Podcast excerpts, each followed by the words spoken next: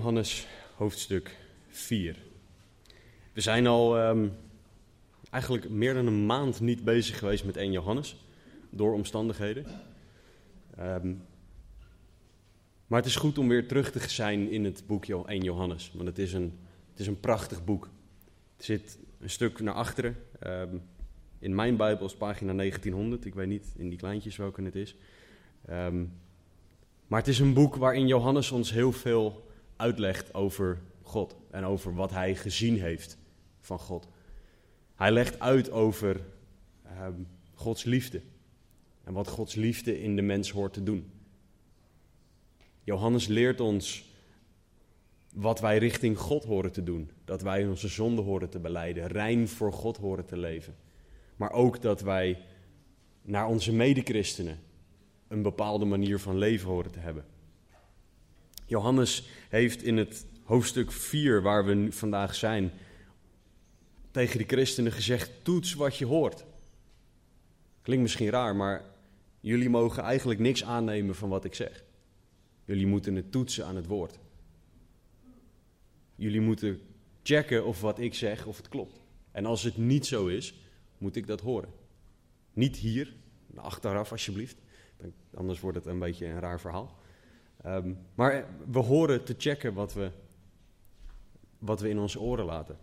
En Johannes gaat, zoals Johannes eigen is, gaat in op de liefde. Johannes is de apostel van de liefde.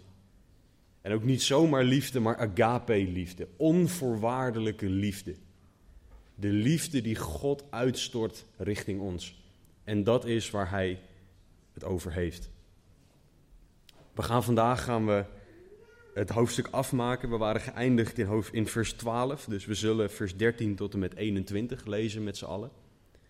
Ehm, en ik wil jullie vragen om indien mogelijk te gaan staan als, terwijl we dat gaan lezen en dan gaan we daarna gaan we erin duiken. 1 Johannes hoofdstuk 4, beginnend in vers 13. Hieraan weten wij dat wij in Hem blijven en Hij in ons, doordat Hij ons van Zijn geest gegeven heeft.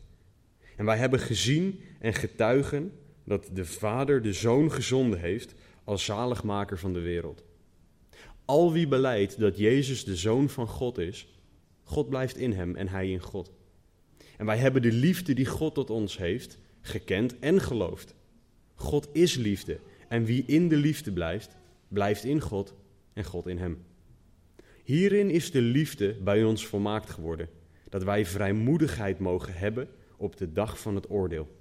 Want zoals Hij is, zijn ook wij in deze wereld. Er is in de liefde geen vrees, maar de volmaakte liefde drijft de vrees uit. De vrees houdt immers straf in. En wie vreest is niet volmaakt in de liefde. Wij hebben Hem lief omdat Hij ons eerst lief had. Als iemand zou zeggen: Ik heb God lief, en hij zou zijn broeder haten, dan is hij een leugenaar. Want wie zijn broeder die hij ziet niet lief heeft, hoe kan hij God lief hebben die hij niet gezien heeft? En dit gebod hebben wij van hem, dat wie God lief heeft, ook zijn broeder moet lief hebben. Heren, dank u wel. Dank u wel voor dit prachtige stuk tekst, waardoor, waardoor u zoveel dingen tegen ons wil zeggen. Dank u wel, heren, dat u ons tot uzelf wil trekken. Dat u ons uw liefde wil laten zien, heren, en dat is mijn gebed dat wij u zullen zien vandaag, uw liefde. En dat dat het effect zal hebben waar Johannes het, het over heeft. Doe uw werk alstublieft, raak alle harten aan. Open onze oren, laat ons niet afgeleid zijn van, door wat dan ook. Maar doe uw wil alstublieft. Heren, dat vragen we in Jezus' naam. Amen. Ga alsjeblieft zitten. Ik wil vandaag met jullie kijken naar het effect van Gods liefde zoals Johannes dat omschrijft. En hij geeft ons in deze verse drie effecten van Gods liefde.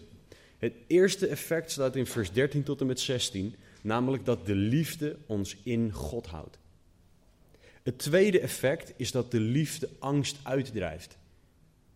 Waar er is in de liefde geen vrees, zegt Johannes. En het derde punt is dat de liefde leidt tot het liefhebben van onze broeder en zuster. Dat is wat Johannes ons vandaag wil leren. En het eerste punt wat Johannes ons wil leren, vanuit vers 13 tot en met 16, is dat Gods liefde ons in God houdt. Voor een klein beetje context wil ik vers 7 en 8 van 1 Johannes 4 met jullie lezen. Waar Johannes schrijft: Geliefden, laten wij elkaar lief hebben. Want de liefde is uit God. En ieder die lief heeft, is uit God geboren en kent God. Wie niet lief heeft, kent God niet, want God is liefde. Johannes zegt hier dat het bewijs van een echte christen zijn is dat je in God blijft en dat God in ons blijft.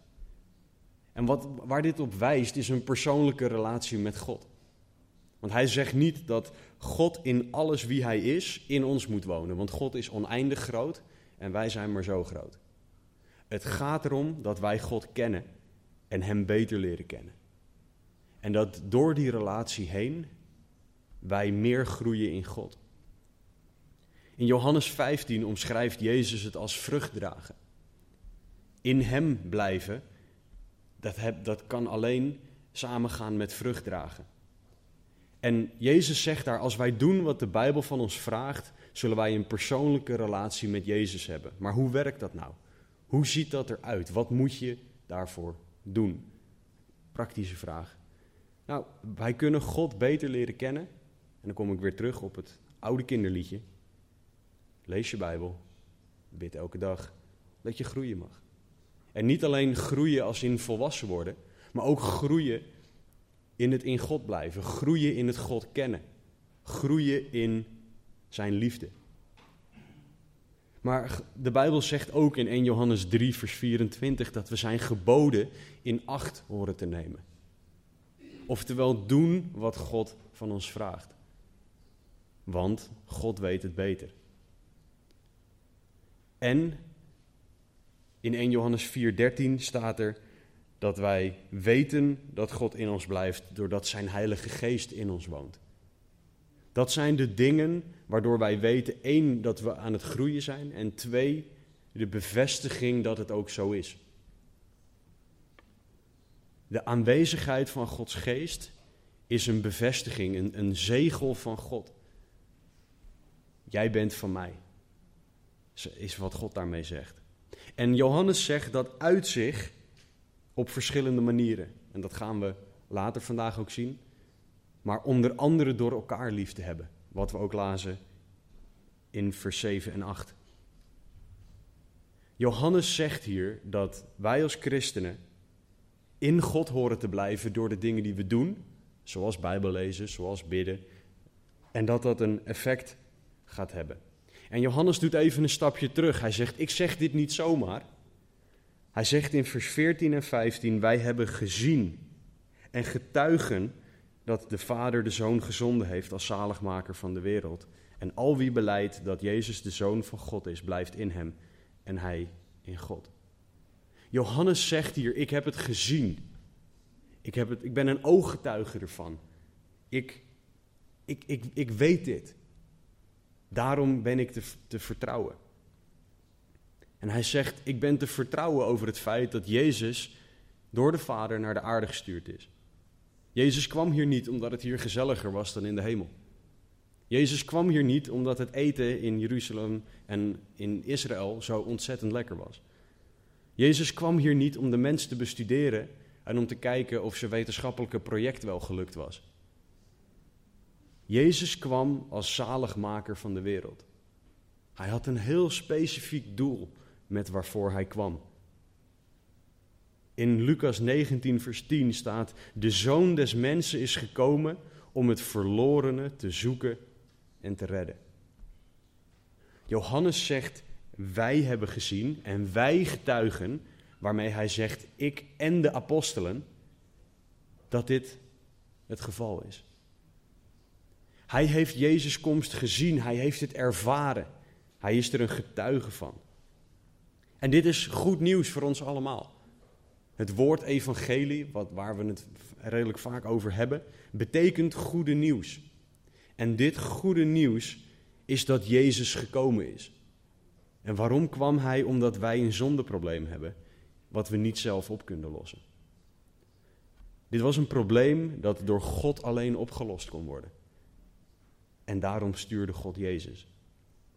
En om van dit zondeprobleem af te kunnen komen, moeten wij beleiden, zegt vers 15, dat Jezus de Zoon van God is. Dat is het beginpunt daarvan. Beleiden betekent dat je het erkent, dat je erachter staat, dat je erin gelooft, dat je ervoor gaat. En God wil dat wij beleiden dat Jezus de Zoon van God is. Want dat betekent dat wij afhankelijk zijn van God en niet meer van onszelf. Jezus droeg onze straf. Dat was waarvoor hij kwam. En in vers 16 zegt Johannes: Wij hebben de liefde die God tot ons heeft gekend en geloofd. God is liefde en wie in de liefde blijft, blijft in God en God in hem. Johannes zegt: Ik heb die liefde die, die heb ik ervaren, die heb ik gezien, daar getuig ik van samen met de andere apostelen. Die liefde is niet zomaar iets. En Johannes zegt hier, wij hebben de liefde gekend. Stan heeft het in, het in de eerdere hoofdstukken gehad over de verschillende typen van kennen. En hier gaat het specifiek over ginosko kennen. Mogen jullie gelijk weer vergeten dat woord. Maar het komt erop neer dat het niet iets is wat je leest en alleen maar theoretisch snapt hierboven, in je bovenkamer. Het gaat erom dat het een proces is van iets of iemand leren kennen.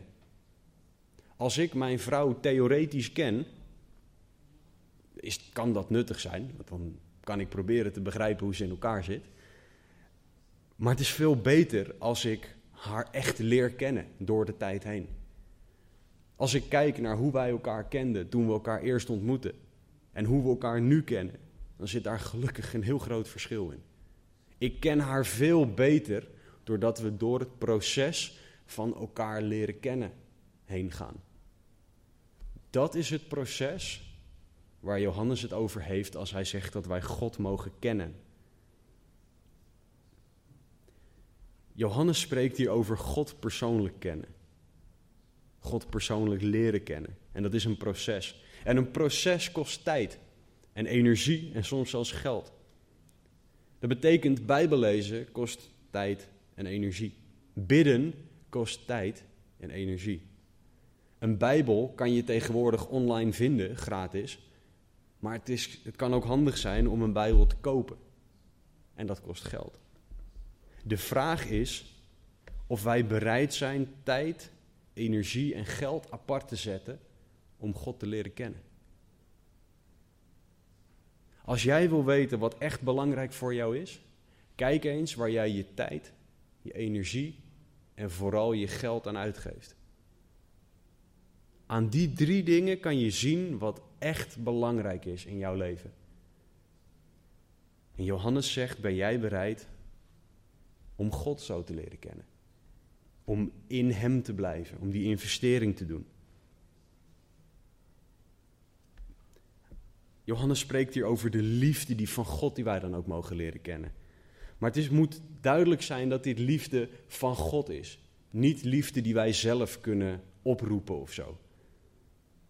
Als Paulus over de liefde spreekt in Galaten 5:22 spreekt hij over de vrucht van de geest. Hij zegt de vrucht van de geest is liefde. En die liefde bestaat uit de onderdelen die daarna komen. Deze liefde is iets dat de Heilige Geest ons moet geven. Iets wat de Heilige Geest in ons moet doen groeien. En dit is iets waar wij altijd in zullen moeten blijven groeien. Want Jezus is ons voorbeeld en hij had perfect lief. Totdat wij perfect lief hebben, hebben we altijd nog te leren. In 1 Thessalonicense 4, vers 9 en 10 roept Paulus de gemeente daarop tot het volgende. Paulus zegt hier, wat nu de broederliefde betreft, hebt u het niet nodig dat ik u schrijf. Want u bent zelf door God onderwezen om elkaar lief te hebben. Want u doet dat ook ten opzichte van alle broeders die in heel Macedonië zijn. Dus Paulus zegt, jullie doen het goed. Jullie zijn goed bezig. Maar hij sluit af met: Wij roepen u er echter toe op, broeders, dat nog veel meer te doen. Dus Paulus zegt, jullie zijn goed bezig. Het was een gemeente die heel Macedonië lief had. Dan moet je denken aan dat Paulus tegen ons zegt, jullie hebben heel Nederland lief. En dan sluit hij af met, maar jullie kunnen nog veel meer. Omdat Gods liefde zo groot is. En die grote liefde mogen wij leren kennen. In die liefde mogen wij groeien. En dat kan alleen als wij die liefde eerst zelf leren kennen. Want dat houdt ons in God. En dan zullen wij dingen kunnen doen die daarmee overeenkomen. Gods liefde is wat mensen aantrekt. Gods liefde is niet zoals de liefde die deze wereld heeft. Gods liefde is onvoorwaardelijk. Hij zegt niet: Ik hou van jou als. Of ik hou van jou omdat jij. God zegt: Ik hou van jou omdat ik van jou hou. Dat is het, zo is het. En dat is, die liefde is altijd genoeg. Die liefde is eeuwig en die liefde is praktisch. En die liefde mogen wij leren kennen. En die liefde wil ons in God houden, zodat wij bij God blijven. Johannes gaat verder met het tweede gevolg van Gods liefde, het tweede effect van Gods liefde, namelijk dat de liefde angst uitdrijft. In vers 17 en 18 zegt Johannes: Hierin is de liefde bij ons volmaakt geworden. Dat wij vrijmoedigheid mogen hebben op de dag van het oordeel. Want zoals Hij is, zijn ook wij in deze wereld. Er is in de liefde geen vrees, maar de volmaakte liefde drijft de vrees uit. De vrees houdt immer straf in en wie vreest is niet volmaakt in de liefde. Een groot effect van Gods liefde op ons leven is dat Gods liefde angst verdrijft. En Johannes haalt specifiek de, de angst aan voor het oordeel en de straf van God. Want God weet dat wij mensen erg bang zijn. De website angstlijst.nl, ik wist niet dat die bestond, die heeft het over 418 fobieën. Nou, een fobie is dus iets waar je meer dan twee uur op een dag over nadenkt en bang voor bent. Dus fobieën zijn echt groot. En angstlijst.nl kon er daar 418 van opnoemen. Wij zijn bang voor veel dingen tegenwoordig. Maar God die wil dat wij dat niet zijn. Maar mensen zijn tegenwoordig bang voor de dood. Voor de toekomst. Voor mensen, voor het onbekende, voor falen. Wat gebeurt er met mijn kinderen? Wat gebeurt er met. We kunnen bang zijn voor zoveel dingen. En het effect van angst is dat het verlammend werkt. Angst zorgt ervoor dat je stilstaat, dat je verstijft, dat je niet doorgaat. En zo geldt dat ook voor onze relatie met God. Als wij bang zijn, zullen wij niet, over het algemeen niet, volle bak naar God toe rennen, maar verstijven we. Staan we stil. Rennen we niet naar God toe. En dat terwijl God 100, meer dan 110 keer in de Bijbel zegt: wees niet bang.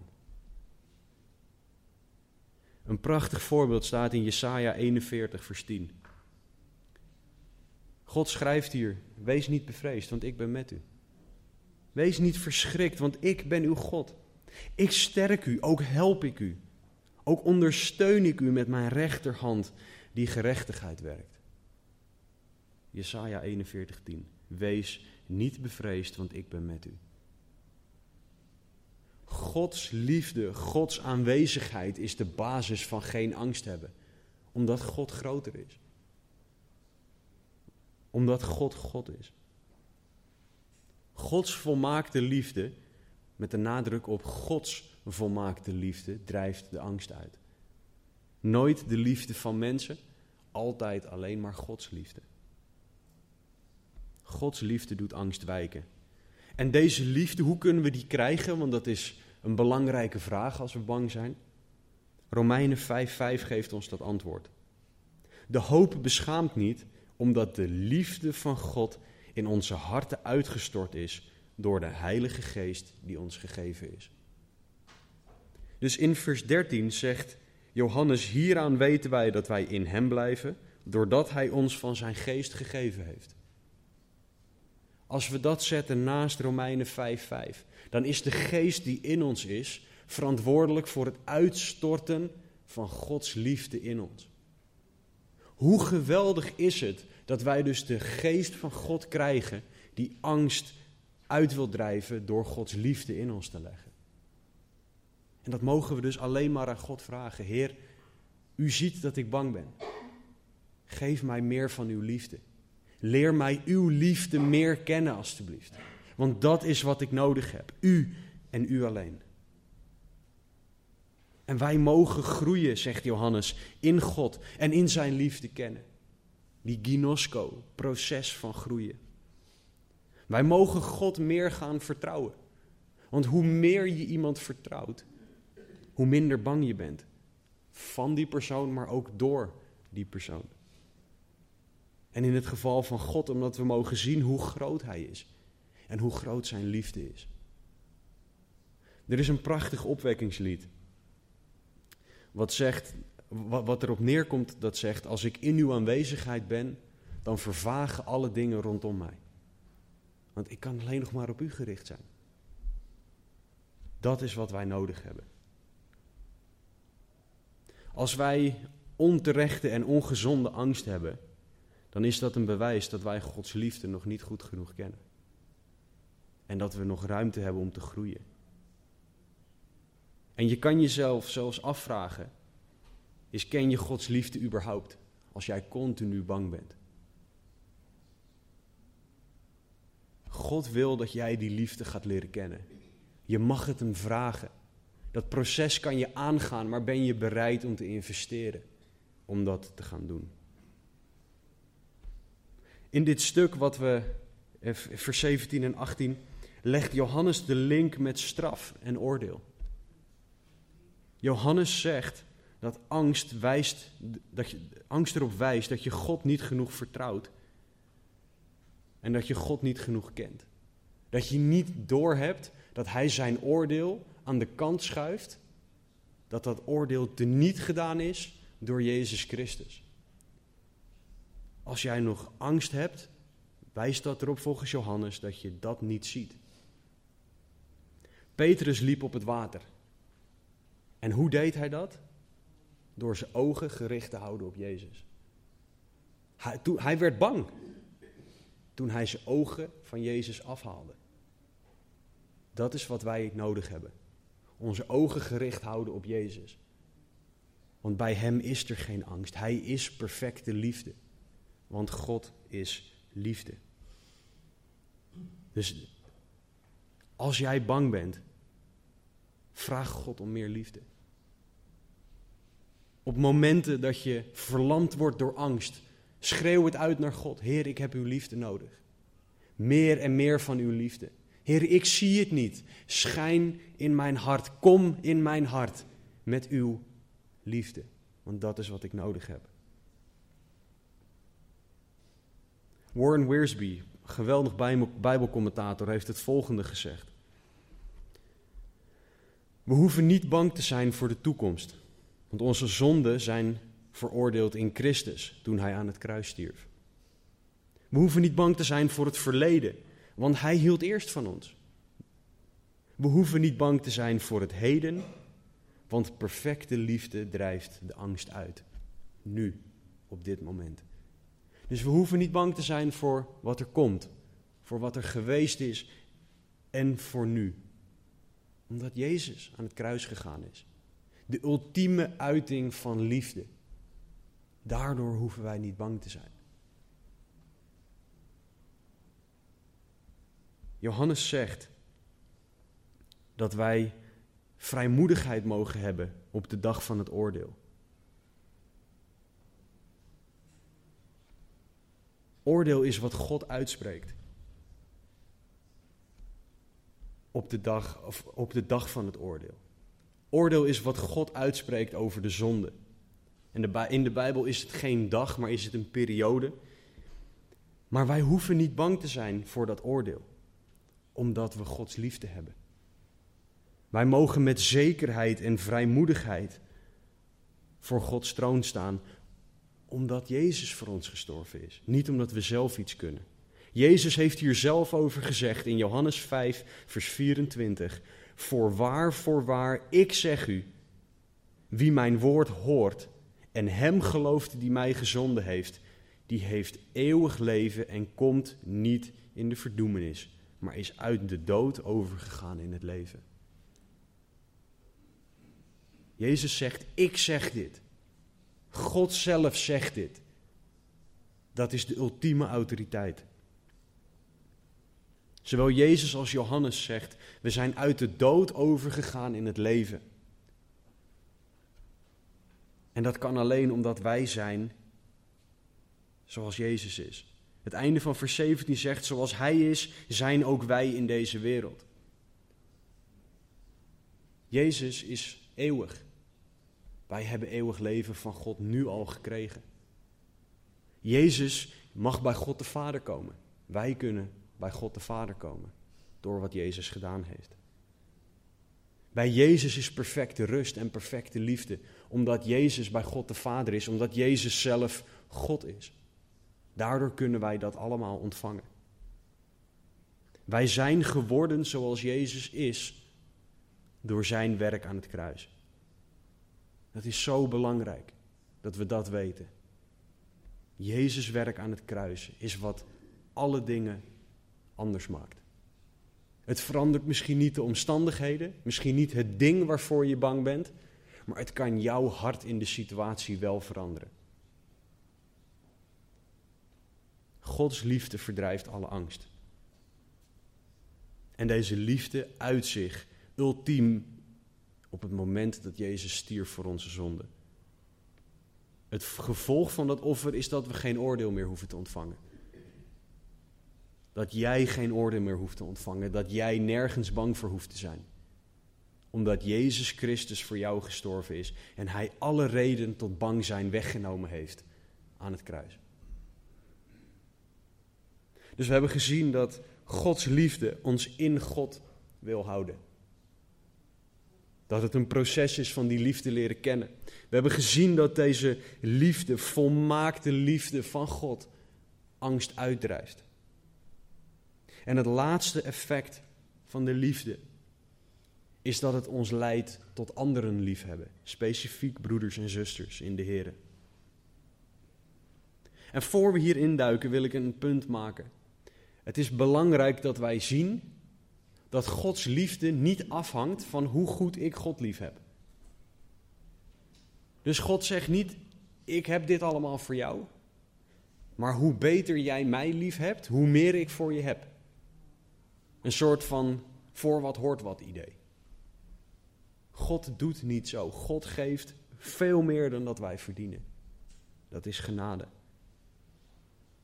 En Johannes zegt: Wij hebben Hem lief, vers 19, omdat Hij ons eerst lief had.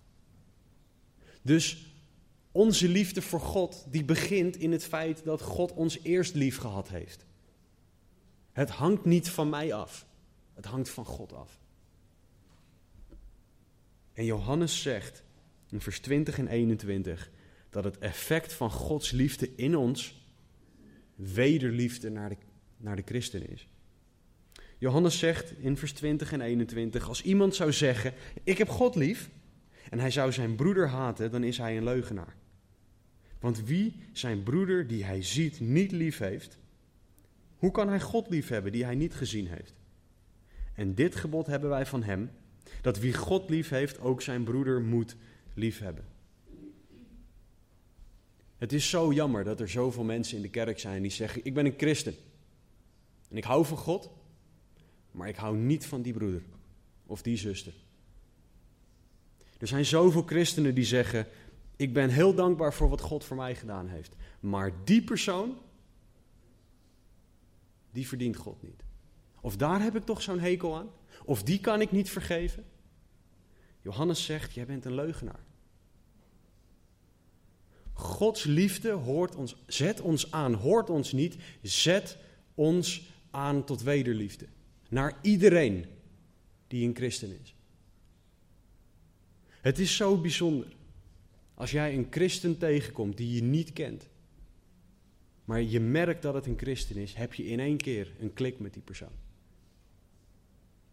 Wij gaan elk jaar, hebben wij het voorrecht om naar een conferentie in Oostenrijk te gaan. Daar komen mensen waarvan ik de meeste niet ken. Maar met iedereen daar heb ik een klik. Vanwege Gods liefde. Al gaat iemand per ongeluk op je tenen staan, want dat gebeurt. Dan vergeef je die persoon, want je hebt Gods liefde. Je gaat er niet staan denken, wat jij vervelend mens, je gaat er met tenen staan, je bent op vakantie. En je denkt, kan gebeuren. Zo, zo zou het moeten in ieder geval. Ik zeg niet dat het altijd bij mij zo gebeurt. Maar zo zou het moeten, want dat is Gods liefde in ons. Maar het is zo vaak zo dat er mensen zijn die zichzelf christen noemen, die bereid zijn Gods liefde voor zichzelf aan te nemen, maar niet bereid zijn die liefde uit te delen. Want jij verdient het niet. Ik kan jou niet lief hebben. Weet je, de context waarin dit staat is Gods liefde voor ons in Jezus offer aan het kruis. God hield van jou en van mij toen wij hem pijn deden. Toen wij hem aan het kruis nagelden. In Jesaja 51 en 53 kan je lezen over dat de baard uit zijn gezicht gerukt werd. Dat hij geslagen werd, zodat hij niet meer te herkennen was als een mens. En God deed dat voor jou en voor mij. Terwijl wij hem dat aandeden. Zoveel houdt hij van ons. Hoe durven wij dan om te zeggen: ja, ik wil die liefde wel aannemen, maar niet doorgeven? Dat is het bewijs dat wij Gods liefde niet snappen. Dat wij er helemaal niks van begrepen hebben. En dat is een probleem. Want God heeft ons lief gehad zodat wij die liefde door kunnen geven. In 1 Johannes 3:18 staat er dat wij niet met woord of met tong moeten liefhebben, maar met daad en waarheid. God houdt praktisch van jou. Dat heeft hij laten zien in Jezus Christus. Het bleef bij hem niet bij woorden. Ja, ik vind je zo lief. Ik weet dat je naar de hel gaat, maar ik kan er wat aan, ik kan er wat aan doen, maar ja, doe ik niet. Het gevolg voor ons van Gods liefde is. Het, het is niet hoort zo te zijn, zou moeten. Het gevolg van Gods liefde in jouw hart is dat jij broeders en zusters gaat liefhebben. In woord en in daad. Dat is, betekent niet altijd dat je lief, dat mensen jou lief hebben zoals jij het wil. Maar dat betekent wel dat de ander jou gaat liefhebben. Dat jij de ander gaat liefhebben. Soms willen wij namelijk dingen die niet goed voor ons zijn. Maar zet God iemand aan om jou op een andere manier lief te hebben. Gods liefde zet ons aan tot het broeders en zusters liefhebben. Dit is het bewijs, een van de bewijzen dat Gods liefde in ons is. Je zou zelfs de conclusie kunnen trekken dat jij God niet lief hebt als je dit niet doet. Als jij broeders en zusters niet lief hebt, heb jij God niet lief. Johannes noemt je een leugenaar. Je broeder en je zuster liefhebben is Gods gebod aan jou en aan mij. Gods liefde is zo geweldig. Het is geweldig voor de mens omdat het ons in God houdt. Hebben we gezien in de eerste verse van vandaag. We hebben gezien dat deze liefde ons helpt in onze angsten, omdat het angst uitdrijft. Omdat Gods liefde zo perfect is, zoveel beter is. We hebben gezien dat Gods liefde aanzet tot liefde voor medechristenen. En dat dat geen vraag, maar een gebod is van God aan ons. Maar het is belangrijk dat wij echt doorhebben hoe God ons heeft liefgehad, want dat is de bron van waaruit wij dit doen. God houdt zoveel van jou en van mij dat hij zijn zoon naar de aarde gestuurd heeft. Jezus kwam 2000 jaar geleden om voor jou en mijn zonde te sterven. Ik weet dat ik dit elke keer wanneer ik preek wanneer ik, dat ik dit herhaal. En de reden dat dat belangrijk is, is dat het evangelie, dit goede nieuws, ons nog steeds moet blijven raken. Ik heb dit elke dag nodig. Gods liefde in mij. En jij hebt dit ook nodig. Want Jezus had niks fout gedaan, maar jij en ik wel. Wij hadden een straf, hij niet. En hij koos ervoor, hij koos ervoor om voor jou en mij te sterven. Hij had Gods wet nooit overtreden. Hij had perfect geleefd. De standaard van perfectie had hij gehouden. En hij koos om te sterven voor jou en voor mij. Dat is de liefde waarmee God van jou en van mij houdt. Dat is de liefde die ons in Hem houdt. Dat is de liefde die angst uitdrijft. En dat is de liefde die ons aanzet tot praktische wederliefde. We vieren vandaag heilig avondmaal. En dat betekent dat we vieren wat God voor ons gedaan heeft. Het betekent dat we denken en dankbaar zijn voor het feit dat Hij zo ver gegaan is. We staan stil bij hoeveel Hij ons persoonlijk vergeven heeft. Hoeveel Hij mij vergeven heeft.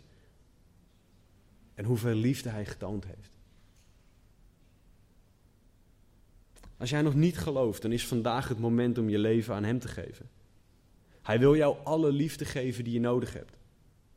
Meer dan dat jij ooit zou kunnen bevatten. Hij wil jou verlossen van je angst. Hij wil dat jij in Hem bent, maar Hij wil jou bovenal vergeven van je zonde. Want dat is het belangrijkste.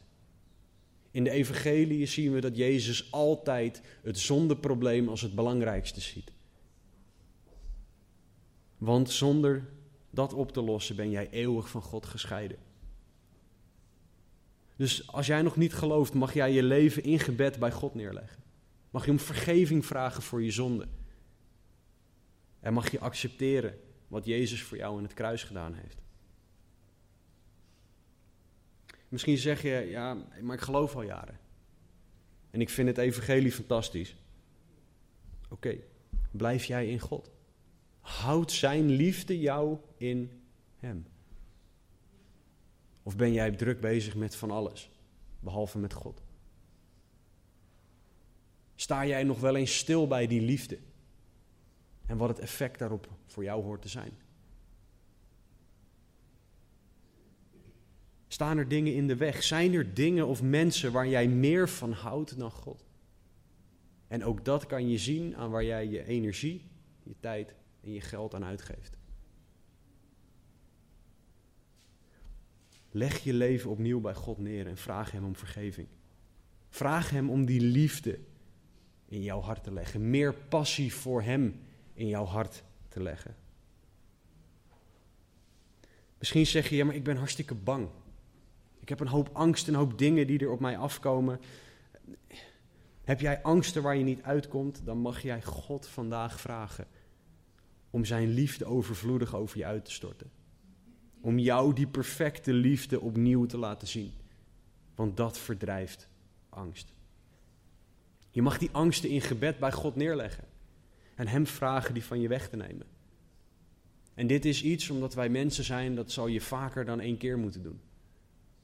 Wij zijn zo makkelijk beïnvloedbaar. Door Satan, door het vlees, door de wereld. Dit is iets dat je vaker moet doen, maar ga terug naar die liefde. Vraag Hem die leegte te vullen in jou waar, je, waar Gods liefde op dat moment niet zit. Vraag Hem om je te blijven vullen met Zijn liefde. David, ik denk dat het David was die Psalm 34 geschreven heeft. Maar die zegt het, Psalm 34 zegt het volgende. Iemand die bang was, zegt: Ik heb de Heere gezocht en Hij heeft mij geantwoord. En mij gered uit al wat ik vrees. De psalmist zegt: Ik ben naar de Heere gegaan. Niet naar antidepressiva. Niet naar denken aan, aan fijne gedachten. Niet naar wat dan ook. Hij is gegaan naar God. En God heeft hem gered uit al wat hij vreesde. Leg je angsten bij God neer en vraag hem om die liefde. Laatste vraag is of Gods liefde jou aanzet tot wederliefde voor je medechristen. Houd jij in woord en in daad van je medechristen of ben jij alleen maar bezig met je eigen dingen? Vraag God om je hart te veranderen, zodat je een leven zal leiden dat overeenkomt met zijn perfecte liefde. Gods liefde namelijk is altijd een gevende liefde. Het wordt ontvangen om door te geven. Het wordt nooit ontvangen om voor jezelf te houden. Het wordt ontvangen om door te geven. Is die liefde in jou op die manier? Laten we bidden. Heere God, dank u wel. Dank u voor deze liefde. Dank u voor het feit dat u deze liefde over ons uitgestort hebt. Dank u wel, Heere, dat u ons in uzelf wil houden. Dank u wel dat u de angsten uit wilt drijven. Dank u wel dat u ons aan wil zetten tot wederliefde. Dank u wel, Heer, dat dat alleen door u komt. Dat het uw werk is, uw genade. Heer, het is mijn gebed dat u op dit moment tot de harten spreekt, Heer, want u bent al bezig. Maar ga daarmee door, alstublieft. Heer, u weet waar en ieder mee zit, welke gedachten er door het hoofd gaan. U weet of er mensen zijn die niet in u blijven op dit moment, maar in andere dingen. U weet of er hier mensen zijn die angsten hebben, die bang zijn voor van alles en nog wat. Heer, wees bij hen en laat uw liefde zien. En Heer, u weet of er hier mensen zijn die uw liefde wel willen ontvangen, maar niet willen doorgeven. Of niet aan die ene persoon. Doe uw wil, alstublieft. Raakt u de harten aan, alstublieft, Heer. Het aanbiddingsteam zal ons zo gaan leiden in een aantal liederen. Focus je eerst op de Heer. Het is zo belangrijk dat je het avondmaal juist neemt. Breng je hart bij God en vraag Hem om je te laten zien of er nog dingen tussen jou en Hem instaan.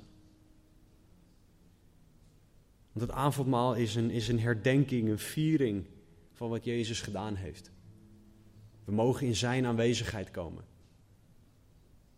Maar wel als we rein en heilig zijn door Zijn werk. Dus ga in gebed naar God toe, vraag Hem om jou te inspecteren en je te laten zien wat niet juist is. Daarna mag je het avondmaal nemen zodra je daar klaar voor bent. Ik wil vragen of Martien en Eveline, zodra zij klaar zijn met het avondmaal, ook aan de zijkanten willen gaan staan en met mensen willen bidden die dat nodig hebben. Jenny, jij ook. Neem eerst de tijd om de Heer te zoeken.